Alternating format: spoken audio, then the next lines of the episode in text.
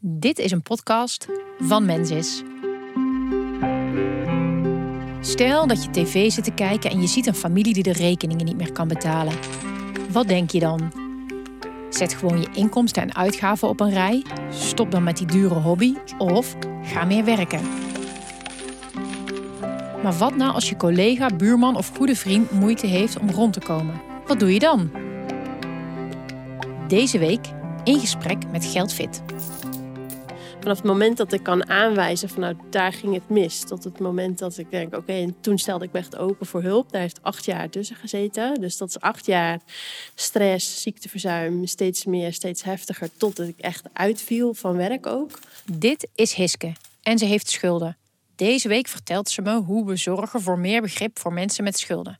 Wat mij betreft verdient Hiske een lintje omdat ze in het openbaar over haar problemen durft te praten, ongeacht wat jij of ik van haar vinden. Want wij praten niet over geld, maar dat zouden we wel moeten doen. En wat mij ook achteraf is opgevallen, nu ik daar met een afstandje naar kijk, is van, waarom heeft niemand over die geldzaken? Waarom zijn we daar niet met z'n allen wat eerder over begonnen? Want dat was zo aanwezig ook. Maar dat, ja, dat, daar hebben we het niet over met elkaar. Om het gedrag of de keuzes van mensen met schulden te begrijpen, vertelt Hiske me hoe het is om met schulden te leven.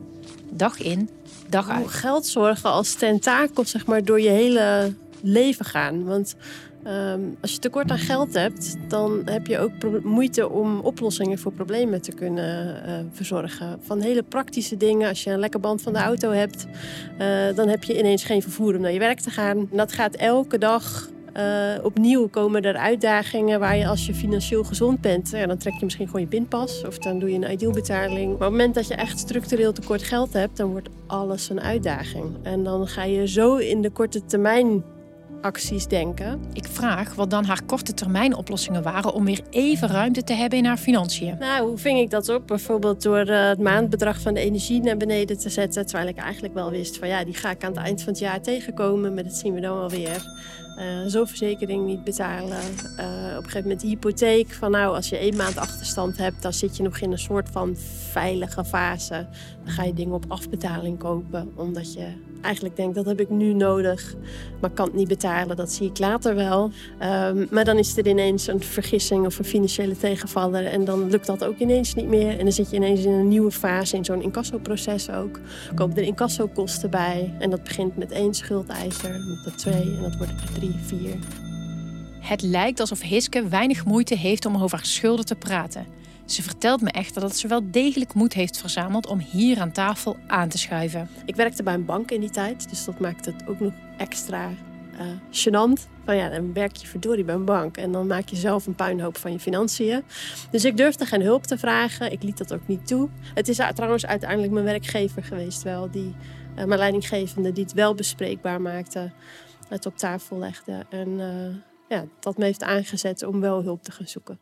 Ze vond die hulp bij Geldfit. Ze werd aangemeld bij Schuldhulpmaatje, waar Stichting Zorg voor elkaar Zwolle ook bij aangesloten is.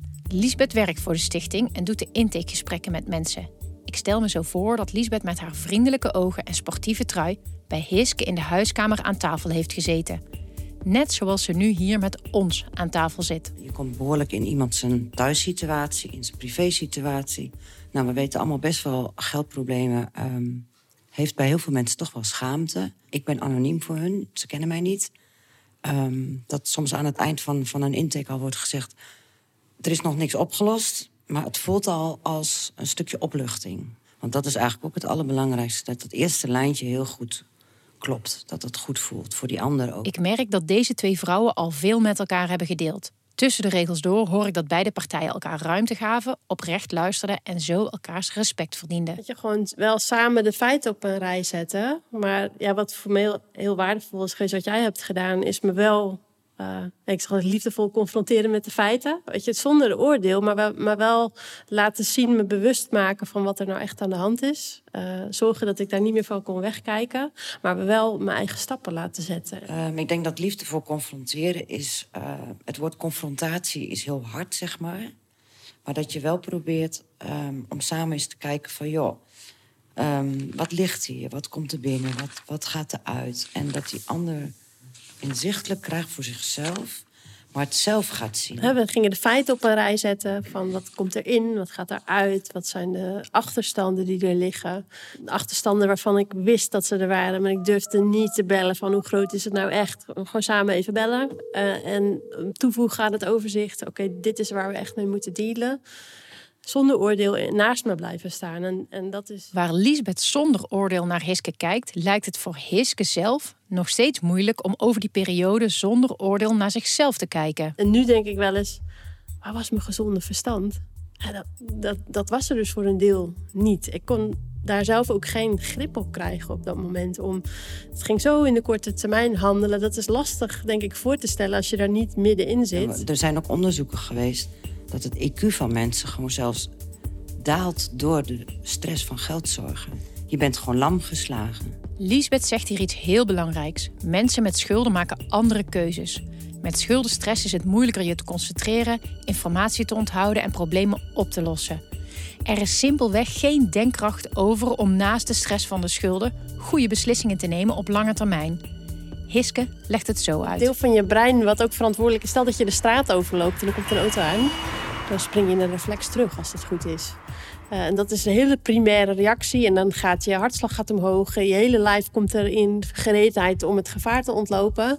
Um, maar je eigen systeem maakt geen onderscheid tussen, bij wijze van spreken, een auto die de straat uh, in komt rijden. of een uh, brief in de brievenbus die ook ellende met zich meebrengt. Het effect is bijna hetzelfde. Dus het andere deel van je hersenen, wat gaat over planmatig denken, je emoties reguleren, over een langere termijn kunnen nadenken. Dat deel komt gewoon minder aan bod. Want dat andere deel neemt het continu even over, zeg maar. Stel je voor dat je hart in je keel zit iedere keer als de postbode komt. Of dat het geluid van binnenkomende mails je hartkloppingen geeft. Uh, wij gebruiken ook wel het woord postangst.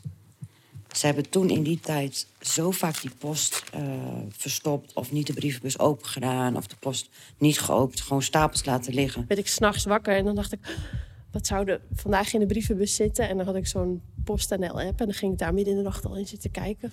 Ik noem het wel eens dat het gewoon overleven is wat je aan het doen bent. Ik begin te begrijpen dat je een hoge prijs betaalt voor het hebben van schulden. Niet alleen financieel, maar ook qua mentale en fysieke gezondheid. Maar het doet dus ook fysiek iets met stress. Dus het wordt, je wordt er moe van, uh, kort lontje. Ik, ik, was op een gegeven moment ook uitgevallen van werk. Uh, migraine, uh, niet slapen. Dus ochtends gewoon echt niet uh, bij macht te zijn om, om naar mijn werk te gaan. Dus kortdurend. Maar op een gegeven moment is ook echt, ben ik langdurig uitgevallen. Door haar ziekteverzuim kwamen haar geldzorgen op tafel bij haar werkgever. Die spoorde haar aan om hulp te zoeken terugkijkend wensen dat ze eerder hulp had gevraagd. Nou ja, het was een onvoorziene omstandigheid geweest, maar eigen gedrag heeft zeker ook invloed gehad op de situatie. Ik denk als wij aanvankelijk meteen goed hadden bijgestuurd op onze eigen situatie, dan had het niet zo ver hoeven komen. Nu denk ik, had ik maar eerder iemand durven toelaten, dan had ik mezelf en mijn gezin echt een hoop uh, leed bespaard. En dan had het ook nog makkelijker bijgestuurd kunnen worden. Hiske werkt mee aan deze podcastaflevering omdat ze anderen op het hart wil drukken om op tijd oplossingen te zoeken voor geldproblemen. Ben jij bijvoorbeeld iemand die regelmatig zijn rekeningen niet kan betalen? Ga dan anoniem naar geldfit.nl. Als je wil, koppelen zij je aan hulp bij jou in de buurt. Je komt dan terecht bij mensen zoals Liesbeth. En daar gaat de vrijwilliger ook met die hulpvraag samen mee bezig en aan de slag. Van is er iets te veranderen. En je, dan hebben we het ook wel eens een beetje over een gedragsverandering. wat ik mooi vond daarin is dat uh, je gaat kijken, maar je hebt mij toen wel zelf mijn keuzes laten maken. Je laat het plaatje zien en je wijst aan. Uh, maar het was niet zo dat ik opgelegd kreeg of zo van dit is wat je moet doen of dat moet je niet meer doen. En daar zat wel bij mij een enorme angst om hulp te vragen. Omdat ik dacht, ja, dan gaan anderen me vertellen wat ik moet doen. En dan verlies ik volledig de regie over nou ja, waar ik mijn geld aan uitgeef. Dus ook hoe ik mijn leven inricht. Maar dat is niet wat er gebeurde. Ik heb echt zelf mijn keuzes kunnen maken, maar wel met jou. Uh, ja, jouw, jouw hulp om dat inzichtelijk te maken van welke keuzes heb je. En naast me blijven staan. Nou, wat Hiske nou heel mooi zegt, is naast me staan. Dat, dat woord gebruiken wij eigenlijk ook heel vaak. Van dat je het met elkaar samen doet. Het is niet van ik weet het beter als de ander. Liesbeth en Hiske willen je ook graag geruststellen. Moet je horen. Maar als je helemaal aan het begin bent en je, je bent nog in staat om te zeggen: ik kan online even, even gaan zoeken. Daar kan heel veel tegenwoordig met eh, de energierekening of de zorgverzekering. En ehm, daar komt één nota uit die een keertje niet betaald is. Dat is helemaal nog niet zo'n grote ramp. Dan kan je iets wat 100 euro is in vier keer doen. En dat is heel goed op te lossen. Dan kun je het zo aanklikken in hoeveel keren wil ik het betalen. De andere kant is er gebaat bij dat jij het liever in vier keer betaalt...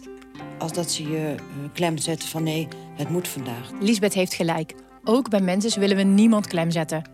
Dus kun jij een keer je rekeningen niet betalen? Ga dan naar menses.nl slash betalingsregeling. Houd je DigiD bij de hand en vraag online een betalingsregeling aan. Heb je echter al grotere geldzorgen en heb je meer schuldeisers dan alleen Mensis? Ga dan naar geldfit.nl en laat hen je helpen. Heb je geen betalingsproblemen, maar weet je wel al dat je in het nieuwe jaar zorg nodig hebt, dan kun je ook je eigen risico in 10 termijnen gespreid betalen. Ga daarvoor naar mensis.nl/slash gespreid betalen. Volgende week een luchtiger thema. Dan zoek ik naar de zin en onzin van vitamine.